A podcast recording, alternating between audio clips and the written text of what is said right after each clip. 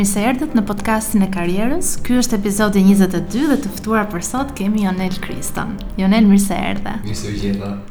Joneli është 32 vjeç dhe e përshkruan veten si një sipërmarrës i lirë, zhvillues dhe menaxhues projektesh në sektorë si turizmi, zhvillimi profesional dhe teknologjia. Rrugëtimi i tij profesional është i gjatë dhe shumë intensiv.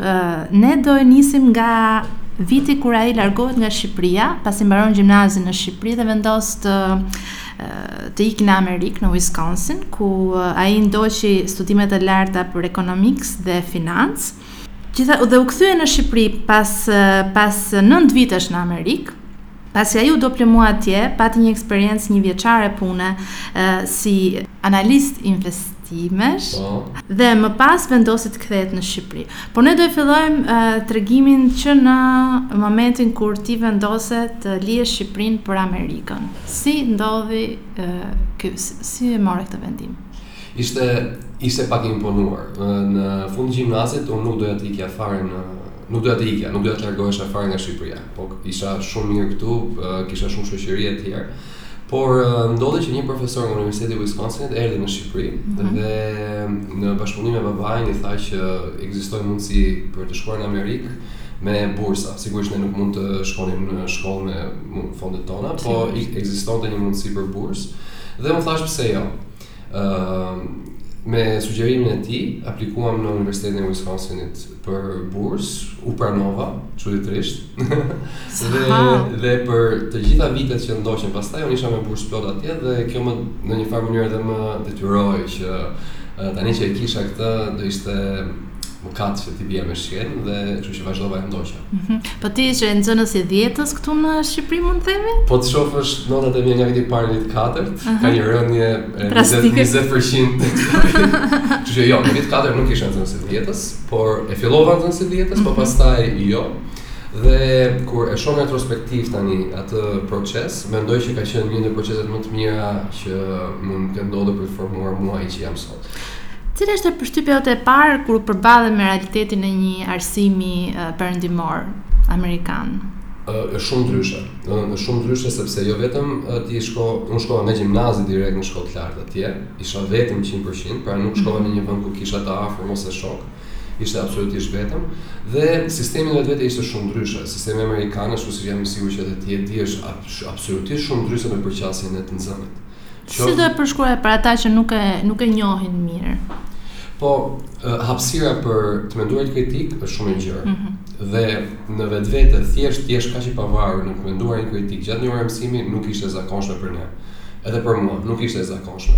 Kisha avantazhe të ndryshme, për shembull në shkencat ekzakte e ndjeja veten më superior, por në në lëndë të tjera e ndjeja veten shumë inferior. Mhm. Dhe me kalimin e kohës më doli që shkencat ekzakte nuk ishin aq të rëndësishme sa ne i bënim të ishin aq të rëndësishme në fakt. Sidomos në sektorin ku unë vazhdova pastaj, që ishte sipërmarrja, financa, ekonomia etj etj.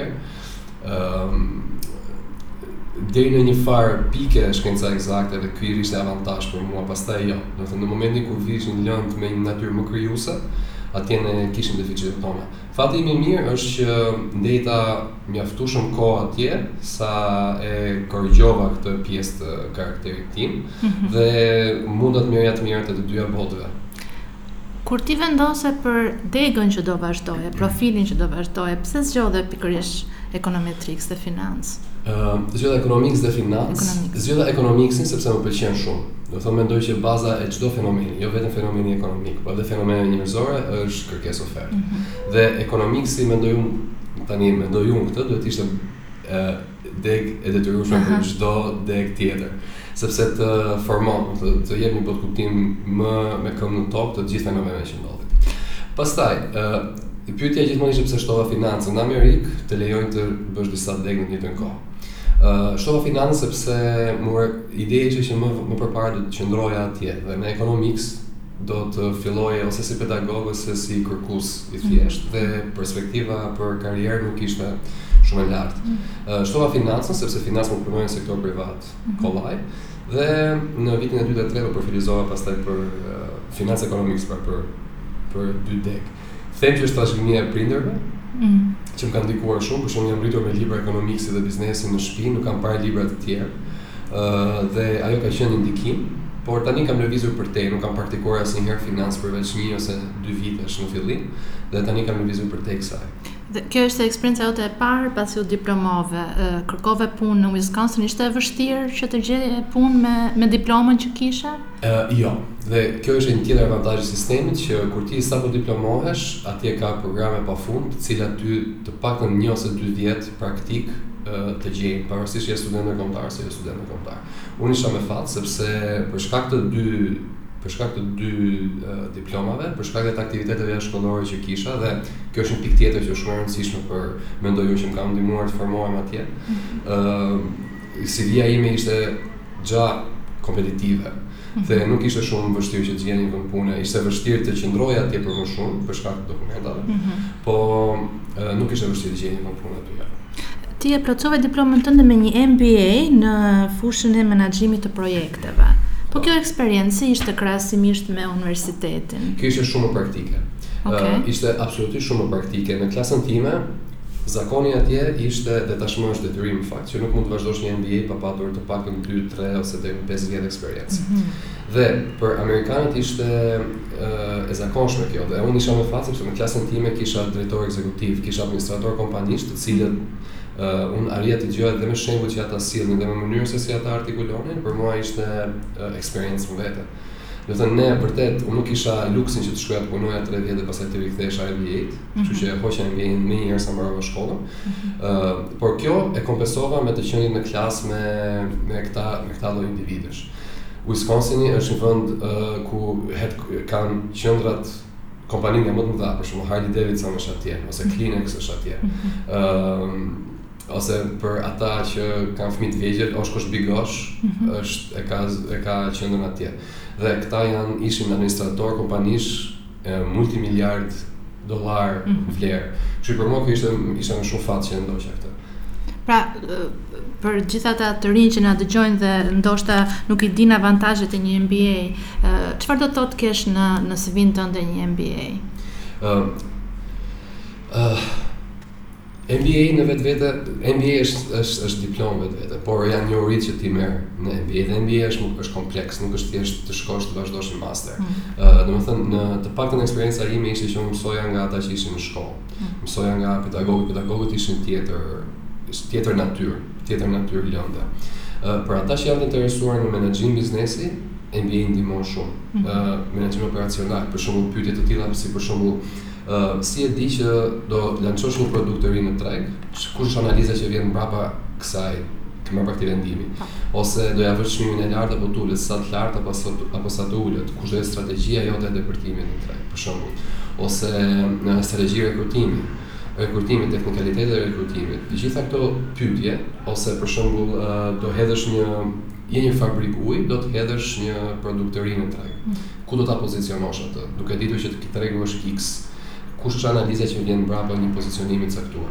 Me një MBA, ne sado që në shkollë të lartë më i bënim këto, por në një MBA ti vërtet kishe mundësi t'i praktikoje në terren. Për shembull, kishim një administrator i një kompanie i cili po mendonte të hi- i- këto prodhonin kontenierë plastikë dhe kishin marrë një kontratë të madhe për ë, një firmë sallamesh dhe e cila ishte duke përgatitur një paketë të caktuar. Në ky, që nga fillimi i vitit shkollor deri në fund, ne e kaluam tërë eksperiencën si ky vendosi se si do dilte në treg, me çfarë lloj paketimi, çfarë lloj dizajni, madhësia, të gjitha detajet se si e bënin atë lloj produkti më të shijshëm. Dhe kjo është është e pa është e paçmueshme si eksperiencë. Dhe një MBA t'i jep këto. Po, kam si shkolla shumë, pra jo çdo MBA është njësoj. Uh, unë u fokusova në project management sepse më pëlqente project management, por mund të fokusohesh në marketing, mund të fokusohesh në menaxhim, në burime njerëzore, kudo. Por MBA e çon praktikën e një shkolle në maksimum. Qartë. Pra të të jep një avantazh të në krahasim me me një diplomë master, le të themi ose pak më teorike. Është patjetër patjetër. Megjithatë, nga gjithë kjo uh, eksperiencë pozitive, ti pra vendos që në 2010-ën të rikthehesh në Shqipëri. Po. Çfarë ndodh këtu? Uh, pse ky vendim? Domethënë, uh, ishte në var si shumë nga ne që kemi studiuar dhe punuar një pjesërisht jashtë dhe vjen një moment kur e, letrat janë ai problemi që po, po. të po si ishte në rastin tënd në 2010-ën unë mund të fill vazhdoja të punoja akoma por vendosa të kthesha jo për një arsye që mund ta them ishte kjo arsye që kthesha asgjë mendova që kishte kisha kaluar kohë mjaftueshëm atje dhe doja të vija të provohesha uh, në tregun vendas. Kur je në Amerikë ose kur je larg vendit, mendon që gjërat janë shumë më mirë se sa ç'janë në fakt. Ëh mm. uh, dhe atëherë unë lexoja shumë lajme, ndiqja çfarë ndodhte, por uh, dhe mendoja që ishte më mirë se sa ç'në fakt ishte. Dhe kur u ktheva, u përballa me një realitet që s'ishte uh, ashtu siç portretizohej ose ashtu siç mendoja që mm. ishte. Por nuk ka problem, deri në këtë pikë nuk u pendova që u ktheva. Ëh, mm -hmm. uh, por kur u ktheva, u ktheva me idenë që do të punoja për dikë, mm -hmm. ndërkohë që realiteti më më përplasi që absolutisht nuk do të ishte ajo ardhmja ime. Në qoftë se do do vazhdoja të jetoja në Shqipëri, nuk do punoja nuk nuk do punoja më për për askënd. Mbaj mend për shembull që kur u ktheva, kam punuar 6 orë. Puna ime e parë ka qenë vetëm një herë në një bankë private që s'po ia përmend emrin, Shkova, ishte dita e parë e punës në tetë e çerek. Punova deri në orën 2 e gjysmë dhe pastaj isha ishte dita e parë dhe e fundit e punës. Dhe vendose që aty nuk do rrije më. Pastaj nuk do nuk do rrija më. Dhe aty dhe aty e lashë, domethënë po të tregoj se çfarë më bindi që ta lë, do është për një tjetër ditë, po okay. ajo u zhgënjeve kaq shumë nga ajo ditë. U zhgënjeva, vija nga një punonjës në Amerikë në një bankë, po. një bankë investimesh, ishte tërësisht kulturë tjetër. dhe nuk dua të them që jam unë ai rasti që them që në Amerikë e bënim kështu apo e bënim më shumë, po ka një minimum etike, ka një minimum sjellje, ka një minimum disipline, të cilat ajo është universale, nuk është as amerikane, as shqiptare, as italiane, po, po është një minimum etike pune të cilat Fatkeqësisht unë nuk e pashë aty ku fillova punë. Po. Kështu që kur ia ktheve kurrizin bankës, ku i drejto, ku e drejtove uh, shikimin? Pastaj isha që nga ajo ditë fillova të ndërtoja diçka time. Ëh, mm -hmm. uh, fillova me zhvillim profesional, ndërto, ndërtova një kompani e cila në fillimet e saj ofronte shërbime trajnimi dhe certifikimi. Në fillim fare bënim shumë gabime, domethënë programet fillonim dhe i ndërtonim vetë, nuk kishim një standard cilësie, por me kalimin e kohës, mbaj mend për shembull që rreth 18 muaj mbasi e ndërtu, vendosëm ta ndërtonim, kishim në bankë më pak se më pak se 200, 200 euro me vlerën e sotme. Dhe aty ishte një pikë në të cilën vendosëm që ose do ta lëmë fare, ose do të bënim një përmirësim kështu një, një kërcim në cilësi. Mm -hmm. Kështu aty vendosëm që të kontribuojmë dhe ca disa kapital më tepër, mhm. filluam që ta ridizenjonim tërësisht ofertën e kompanisë tonë dhe nga ato 200 dollarë që kishim në vit atëherë tani kemi rritur shumëfish më tepër, kështu që ka ecur ajo. Dhe ndërkohë si si e ke përjetuar tregun gjatë këtyre viteve, kërkesën për kështu lloj shërbimesh, zhvillim profesional, Kompanitë janë të interesuara që t'i trajnojnë punonjësit e tyre për për t'u zhvilluar profesionalisht? Është një është ka një prirje rritëse. Në rritje. Po, ka një prirje rritëse, po patjetër. Ë tregu në vetvete evolon, pra është e pashmangshme që tregu të evolojë pavarësisht çfarë lloj fërkimesh kemi përbrenda ne. Domethënë, çfarë nuk funksionon në treg është gjë tjetër dhe thjesht ajo tërheqja globale që i ndodh një industrie të kap dhe ty. Mm -hmm. pashmangshmërisht të kap dhe ty. Um, e tillë ka qenë rëndësia që ka marrë punonjësi në vend pune. Mm -hmm. Për shembull më përpara punonjësi uh, nuk, nuk, nuk, nuk ishte si një aset që krijon dhe vlerë. Pra ishte në shfrytëzim. Si një shërbëtori ose dhe Ndërsa tani ka marrë, pra është njësoj si të kesh një kompjuter ose të kesh një, një robot ose diçka, pra punonjësi është aset për ty. Mm -hmm. Dhe duke qenë se kjo prirje në, në atë që unë vëre është forcuar dhe shërbimi ndaj këtij aseti është forcuar. Për shembull, nëse një mekanik ka atë makinën që e mirëmban ose një mhm. taksist ka makinën, ashtu dhe kompania që ka një punonjës X mirëmban dhe atë. Pjesa e mirëmbajtjes është zhvillim profesional i tij. Mhm. Aq më tepër tani kur njohuritë fillojnë të zëvendësohen kaq shpejt, edhe vetë kualifikimi i punonjësit vjetrohet. Dhe punëdhënësit e dinë këtë, mm. ose në, në masë më të madhe fillojnë të marrin vesh këtë dhe trajnimet kanë, është rritur. Po, si do e, për ata që nuk e njohin mirë, domethënë si do e përkufizoje zhvillimin profesional, ose juve kur merni përsipër të trajnoni e, një ekip, e, cilat janë ato elemente kryesore që përbëjnë zhvillimin profesional që është e rëndësishme? të me të cilat punohet.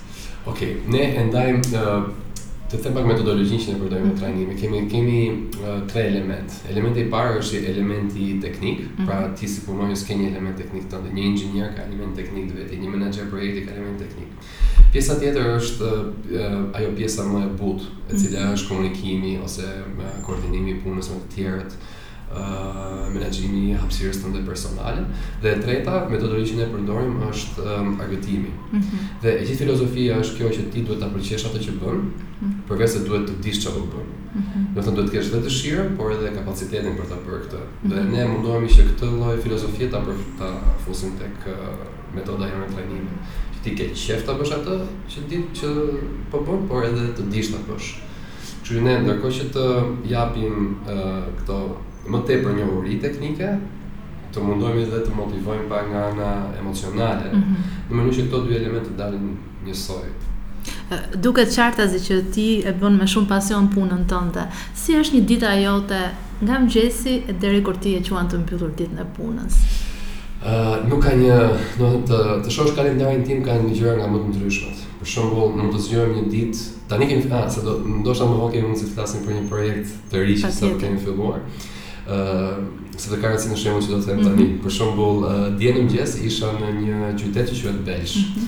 Dhe isha duke kontrolluar se si uh, po përzihej betoni mm -hmm. i pistës së biçikletave që ne jemi duke bërë atje. Okej. Okay. Por sot isha në një sot vesha kollare dhe ish vesha kollare dhe kostum dhe isha në një takim absolutisht shumë të rëndësishëm me disa përfaqësues të qeverisë. Mm -hmm. Nesër për shembull do të takoj disa të rinj, të cilët janë në hapet e para të krijimit të biznesit. Dua të them me këtë që dita nuk ka një, ka një trajektore, nuk ka një trajektore të rregullt, është e shumëllojshme, mund të kem nga takime me me me forma të ndryshme, janë takime mund të jenë me njerëz, politikë, mund të jenë me njerëz jo politikë, mund të jenë me sipërmarrës, mund të jenë nga mosha nga më të ndryshme, dhe që unë i bëj me qejf sepse mendoj që më kanë ndihmuar të bëjmë kaq shumë siç ne po bëjmë sot.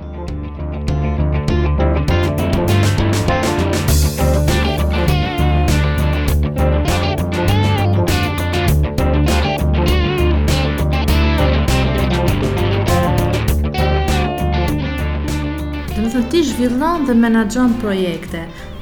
Do më përmendësh dhe disa nga ato projekte që që ke më për zemër dhe me të cilat punon sot aktualisht kur ne flasim. Por jam dhe kurioze të di si fillon një projekt. Domethënë, uh, cilat janë ato etapat që të çojnë ty nga konceptimi, zhvillimi dhe deri tek vënia në jetë e një projekti.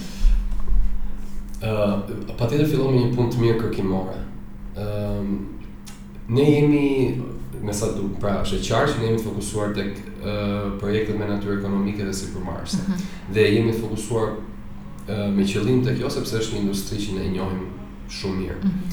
ë Një nga projektet që ne kemi zhvilluar në fund fare, që është më aktuali, mhm. është fondi i investimeve në turizëm, mm -hmm. i mhm. cili është një fond i mbështetur nga USAID në Shqipëri dhe nga ambasada suedeze, dhe me disa partnerë të tjerë qeveritarë.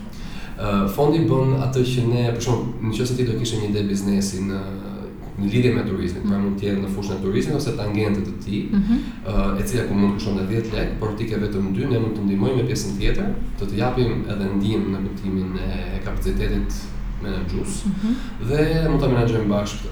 Mm -hmm. Pra, ky është modeli, nuk është grant, nuk është kredi, por është bashkëpronësi. Pra, i bëhemi bashkë-aksionerë në këtë sipërmarrje. Në fokus kemi zonat që kanë potencial turistik, por që janë të nënvlerësuara, mm -hmm. ose që nuk kanë marrë investime në kohët e fundit, ose kohët e fundit themi në 20 vite, 30 vite të fundit, domethënë, por që kanë një potencial. Mm -hmm. Dhe në ato komunitete ku dëshira për punë ekziston. Mm -hmm. Si filloi fondi i investimeve? Ne, duke ditur në në pesëmbëdhjetë vitet e fundit për shembull kemi e kemi studiuar shumë qoftë sektorin e turizmit, qoftë sektorin e sipërmarrjes dhe e kishim pak a shumë të qartë se që çfarë mungonte, kush ishte ai elementi që do fuqizonte një zhvillim më të madh edhe në turizëm, por edhe në sipërmarrje në turizëm. Ëh, mm -hmm. um, kështu që të dhënat që ne kishim, puna kërkimore që ne kishim, studimet që ne uh, shikuam deri në atë moment, Indik, tregonin që një zgjidhje e tillë ishte e natyrshme. Mbasi ti e e skicon konceptin e një projekti, pastaj fillon detajimi i tij për zbatimin e tij. Dhe aty fillojnë komplet komponentët, parashikimi i çdo komponenti që ti ke për për biznes, për projektin. Për shembull, do ketë tek fondi ne kemi një komponent financiar. Kemi një komponent know-how që është këshilla që ne japim menaxherëve. Kemi një komponent zhvillimi të kapaciteteve. Kemi një komponent të uh, punimit me komunitetet për krijimin e produkteve autentike vendas. Mm -hmm. uh, pra janë gjithë këto komponentë që ti mendon në fund fare, koordinimi i tyre do të lejojë ty të arrish zhvillimin madhor që projekti jot ka. Duke qenë se përmendje sipërmarrjen shpesh, uh, si e shikon uh, mundësinë për për sipërmarrje nga të rinjtë në Shqipëri sot. Pra, me pak a shumë duke ditur uh, se sa persona shkojnë nëpër universitet, në universitete çfarë profilesh uh, diplomohen, ata që ndjekin shkollat profesionale, iniciativat që vijnë nga vetë të rinj për të hapur një biznes. Uh, nëse e ke matur këtë puls, si do e përshkruaje sipërmarrjen e të riut në Shqipëri? Kemi një problem shumë të madh në Shqipëri. Sistemi arsimor, megjithatë nuk është vetëm problem shqiptar, por është problem global them unë. Sistemi arsimor është për, është dizenjuar për të bërë uh, për të prodhuar seri. Mm -hmm. Pra, sistemi arsimor është për, për të prodhuar seri. Sipërmarrja nuk ka sukses nga seria. Mm -hmm. Dhe uh, Pra dhe qartësisht kjo ky është një konflikt. Mm -hmm. Qartësisht ky është një konflikt. Sipërmarrësit më të më të më energjik sot janë ata që kanë patur një zgjatim nga sistemi shkollor, ose nuk kanë qenë më pjesë e tij, ose kanë refuzuar të jenë pjesë e tij, ose kanë kanë qenë pjesë e tij, por kanë patur një të veçantë. Ëh, mm -hmm. uh, sipërmarrja do, sipërmarrja ndërmarrjen e riskut për shembull ne nuk e kemi kaq. Të duash të mos jesh rrogëtar, mm. të duash të, të, të kesh një ambicie të shëndetshme. Mm. Fatkeqësisht unë nuk e vë re këtë. Shoh që ka shumë krijimtari, ka ide, patjetër, por ajo marrja përsipër e pasigurisë së dështimit ose të shansit të dështimit na frikëson më shumë se ç'duhet na frikësonte. Ëh, mm. për shembull kam parë kur zhvilluam këtë projekt, mm -hmm. pashë statistika se si krahasohej sistemi shqiptar me një sistem më perëndimor në kuptimin e pavarësisë në vendin e punës. Mm -hmm. mbi 80 për qind e atyre që ishin pyetur donin ish preferonin sigurinë e një rroge dhe risk më të ulët se sa një risk më të lartë të ardhura më të larta në një sipërmarrje private. Mm -hmm. Ndërkohë që në, në Amerikë për shembull, kjo është e kundërta. Është tërësisht e kundërta, në qoftë se këtu është 90 me 10, atje është 10 me 90. Mm. Uh, dhe ky është shpirti sipërmarrës ë është absolutisht shumë i rëndësishëm. Pra ti të kesh një zjarr të brënd, brenda teje që të kesh ambicie. Dhe diçka që ne e keqkuptojmë gjithmonë, kujtojmë që sipërmarrja definohet me më shumë para ose me më shumë të ardhura mhm. materiale. Unë mendoj që jo, sipërmarrja është liri. Do të thënë sipërmarrja ty të jep lirinë të jesh zot i vetes tënde. Mhm. Të programosh vetë ditën tënde, të dish kujt do të japësh llogari dhe kujt jo, mhm. ta zgjedhësh kujt do të japësh llogari dhe kujt jo. Dhe kjo është avantazhi më i, më i madh i një sipërmarrësi, liria. Dhe meqë përmende ditën, cilat janë ato aftësi që ty të janë të domosdoshme gjatë ditës për të bërë këtë punë që ti bën? Aftësi të tua profesionale, qoftë në ato teknike ose dhe soft, siç i quajte më përpara. Cilat janë ato aftësi pa të cilat ti nuk do nuk do e bëje dot atë punë që bën? Ë e, e para, e para është Nuk e di ku është, është fjala shqip për self awareness, pra vetëdije. Vetëdije, pra ti je i vetëdijshëm për atë që ke, për atë që je. Aha. Dhe dhe unë mendoj që kjo është baza e çdo gjëje. Mm. Do të thotë që ti të dish çfarë ti bën mirë, të dish dhe çfarë bën keq dhe të dyja këto t'i mbash në kontroll dhe ti mm. është përshëndet të nxjerrësh atë ku duhet. Ëm mm-hmm.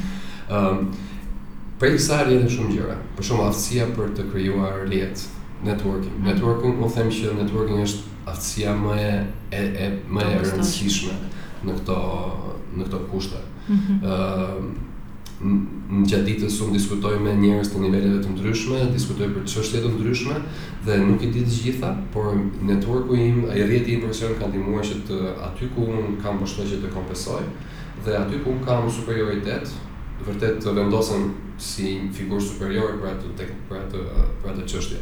Por aty ku kam boshllëk, networku im më lejon në mënyrë të të marr nga jashtë mm. individ që të cilët më përplotësojnë mua. Networku është mendoj më e rëndësishme. Jashtë zyrës që ne ndodhim është një ekip i tërë që po punon që punon me ty. Ë si Çfarë strategjie ndjek kur rekruton njerëz dhe kur bashkëpun ose zgjedh bashkëpunuesit këtu në Shqipëri? Mhm. Çfarë janë gjërat që vlerëson tek tek ai me cilin ti do të punosh në të ardhmen? Ëm Ok, kjo kjo është një evolucion shumë interesant që ne kemi bërë. Më përpara ne Ndiqnim procese normale rekrutimi, ato që ju i dëgjoni, i dëgjoni rëndom, do të thënë intervistim, seleksionim etj etj. E bënim ato sepse gjithmonë donim të vlerësonim një person nga inteligjenca intelektuale, mm. pra ashtu IQ-ja. Mm. Por, uh, kemi ndryshuar komplet qasje tani, sepse kjo nuk na ka nuk na ka funksionuar mirë. Ja. Nuk na ka funksionuar dhe jam uh, nuk jemi vetëm ne shembull i tillë, por ka shumë shembuj në kompanitë më të mira shqiptare që Kjo nuk funksionon. Sistemi jonë i rekrutimit tani ka ndryshuar. Kemi kaluar nga inteligjencë intelektuale në inteligjencë emocionale. Në qoftë se unë një aplikant, të cilin e intervistoj, më reflekton energji, më reflekton proaktivitet, mm -hmm. më nuk më, më lejon në kuptimin e mirë të fjalës, nuk më lejon të mbaroj fjalinë, po ma ka e, ma e kap idenë mm -hmm. përpara se unë t'ia them. kompenson çdo boshllëk teknik që ai ose ajo mund të ketë. Për shembull, janë dy persona në zyrën tonë, të cilët nuk janë 100% të kualifikuar për pozicionet e tyre, por ama me energjinë dhe proaktivitetin e tyre e tejkalojnë këtë dhe mua më më bëjnë shumë më shumë punë se ç'do më bënte një hmm. teknik i hmm. përsosur për shembull. Dhe pjesa tjetër është që ka ikur koha kur një pozicion ka limite të definuara hmm. mirë. Pra, një pozicion është ky dhe pikë. Një pozicion tani tashmë është fluid, sepse vetë vendi vendi i punës, sidomos në organizata si kjo e jona, një person duhet të bëjë shumë gjëra. Unë për shembull bëj shumë gjëra. Pa, po, pa. Po. Pavarësisht se titullin e kam çfarë kam, por unë bëj shumë gjëra. Unë sot për shembull para se të vinit ju, pastrova koshin e plehrave, dhe po. sepse nuk e shihja dot ashtu. Dhe dhe dhe e gjithë filozofia është nëse është diçka për të bërë, dhe dikush e ndjen që mund ta bëjë, le ta bëjë. Mm -hmm. Dhe pastaj ne si ekip vendosim filtra cilësie. Mm -hmm. uh, kultura është gjithashtu shumë e rëndësishme. Habitem në kompani nga më të mëdha shqiptare se si në jam i sigurt në 10 ose 15 vjet të rasteve nuk do të ekzistojnë më. Për shembull, ne neglizhojmë uh, shërbimin ndaj klientit, ne mhm. neglizhojmë mm -hmm. shumë. E neglizhojmë absolutisht shumë, ndërkohë që shërbimi është element diferencues i kompanive. Mm -hmm. Uh, unë jam munduar që të krijoj një kulturë ndryshe, për shembull, të të them se se si unë krijoj një kulturë mm -hmm. ndryshe. Nuk kemi orare, po funksionojmë mbi rezultate. Mhm. Nga ora 7 e mëngjesit deri në orën 7 të darkës, 8-orëshin mund ta bësh kur të duash ti. Mhm. Në qoftë se nuk të punohet një ditë, sigurisht duke u koordinuar bashkë mund të mos punosh, po duke e kompensuar diku mhm. tjetër, pra ti ke hapësirën të organizosh vetë kohën tënde të punës, po. sepse unë ta kam thënë paraprakisht se çfarë duam nga ty dhe kur e duam, se po. kur e bën ti këtë është është e jotja. Ëm Nëse punon për shembull overtime, ke të drejtë që atë overtime ta marrësh në ditë pushimi dhe kjo nuk është fare nën miratimin tim, por e bën e bën punonjësi kur të dojë. Ë ke të drejtë të dizenjosh vendin tënd të punës si të duash. Ë nuk të kërkojmë llogari në kuptimin e llogarisë së mirëfilltë, por vetëm mbi produktin. Ë e gjëra të tilla. Tingëllon shumë motivuese. Ku e sheh veten Jonel për le të themi dhjetë vjet? 10 vjet? Po, ajo që po bëj tani më pëlqen, më pëlqen shumë, kështu që shpresoj të jem duke bërë akoma dhe më tepër se kaq. Okej. Okay. Objektivi që kemi në 3-5 vitet e ardhshme është që fondi që sapo krijuam, fondi i investimeve në turizëm, mm-hmm, ta çojmë diku tek 10 milionë dollarë në buxhet mm-hmm, dhe kjo do na lejojë të krijojmë investime më të mëdha me impakt më të madh komunitar. Për gjithë ata që janë kuriozë ta ndjekin punën tënde nga afër, ndonjë website, ndonjë vend ku mund të shkojnë dhe të klikojnë për më tepër informacion? Po, kemi faqe në Facebook, e cila update-ohet shumë shpesh, që okay. është eh, ose ISN Albania, mm -hmm. që është një nga brendet tona të tjera, ose uh, Tourism Investment and Finance Fund. Shumë mirë, për gjithë ju që jeni kuriozë dhe unë i shikoj fotografitë e projektit në bazë që janë vërtet shumë të bukura. Uh, Dhe pyetja e parafundit se po i afrohemi fundit intervistës. Gjithë ata të rinjtë që po që ne i targetojmë me blogun dhe podcastin tonë. Çfarë këshille do kishe për ta? Flasim për moshën 16-17 vjeçare, akoma s'kanë marrë vendime ku do studiojnë, çfarë dege do studiojnë profesionale, të përgjithshme, po. studime të larta. Meqë e njeh tregun dhe punon ditë për ditë me kompani dhe organizata, çfarë do i këshilloje për diku që është ndoshta më e më e përshtatshme ose ka më shumë potencial sot në Shqipëri të profilizohesh. Si kush do kush është sektori ose industria që sektori industria çfarë lloj arsimi do besoje tek ai profesionali apo do shkoje për për shkollë të lartë çfarë çfarë do ishte një një këshillë nga ana jote me eksperiencën e gjithë këtyre viteve?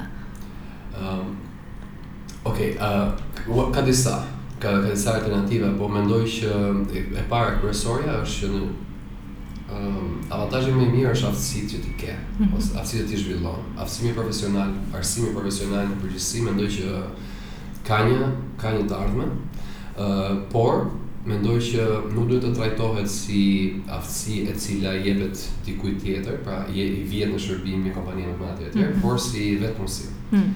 Pra, unë mendoj që punësimi vjen në dy forma dhe ne këtë e dimë, mund të punosh për dikë ose mund të punosh për veten tënde. Mendoj që arsimi profesional e ardhmja do shkojë drejt punës për veten hmm. tënde. Ëm, uh, pavarësisht se nuk është shumë e rrahur si ide, por hmm. mendoj që për një treg kaq të vogël, ë uh, kaq të limituar mendoj që ajo është e ardhmja. Sektorë që janë sektorë me perspektivë në Shqipëri ka absolutisht shumë. Filozofia ime është që në çdo sektor, sado i vjetruar ose sado, besoj që mund të diferencohesh mjaftueshëm për të ofruar vlerë në konsumator. Mhm. Mund të ketë uh, sektorë që ne i mendojmë të vdekur tani, mm -hmm. dhe në qoftë se aty do të diferencohej diçka, do ishte mund të ishte një sektor shumë i uh, shumë me perspektivë, po mendoj që turizmi, teknologjia është patjetër. Mm -hmm. Ne kemi një tip fetish për teknologjinë po. dhe për inovacionin, kështu që atë mendojmë gjithmonë. Në trajnimet që ne bëjmë për programin e vetëmësimit për shembull, kemi fermerë, kemi individë që duan të bëjnë projekte nga sipërmarrje nga ato më baziket. Mm -hmm. Duke harruar, disa herë ata harrojnë që mbrapa kësaj është komplet një botë digjitale që i ah. ndihmon të shkojnë në treg. Po, po. Dhe mënyra se si ti e përdor këtë botë digjitale për të shkuar në treg, uh, ajo është ajo është inovacion. Mm. Pra, ajo detyrimisht do jetë e ardhmja. mendoj unë. Ëm Kaq. Në qoftë se nuk do bëje këtë që po bën sot, çfarë do kishe ëndërr të bëje tjetër? Në qoftë se nuk do ishe Joneli, zhvillues dhe menaxhues dhe sipërmarrës. Po, unë kam jam shumë kurioz se gjithmonë kam dashur të jem mjek.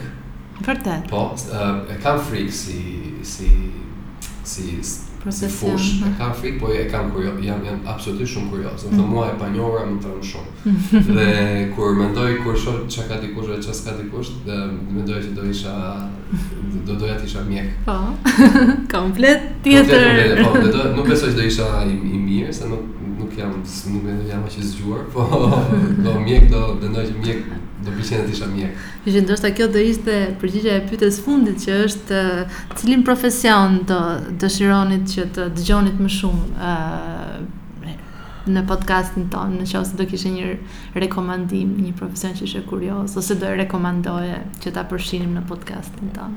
Ë në fakt do isha shumë kurioz të dëgjoja në fushën e mjekësisë ata që e kanë arritur ta bëjnë mjekësinë më të më të përballueshme për njerëzit. Mhm. ose ata që mjekësinë nuk e shohin ë pra e e e, e mundësojnë aksesin tek një mendoj që mjekësia ë është shërbim publik, patjetër që është shërbim publik. Po. Dhe do do doja të dija për shembull nga administratorët e mjekësisë si mund ta cilat mund të ishin ato modele inovatore Mhm. që mjekësinë mund ta çonin në zonat më të thella për shembull. Mhm. Që të njëjtën cilësi që ne marrim nga spitali privat ose nga X-i në Po. jashtë, të mund ta merrin të gjitha zonat e tjera. Dhe jam i sigurt që nëse menaxhohet në mënyrë të drejtë në kuptimin operacional, po. Po. mund të shkonte kujdesi shëndetësor kujtdo. Po. Po, po. Po. Dhe do isha kurioz për shembull të dija më tepër në këtë profesion. Shumë faleminderit për përgjigjen, shumë interesante.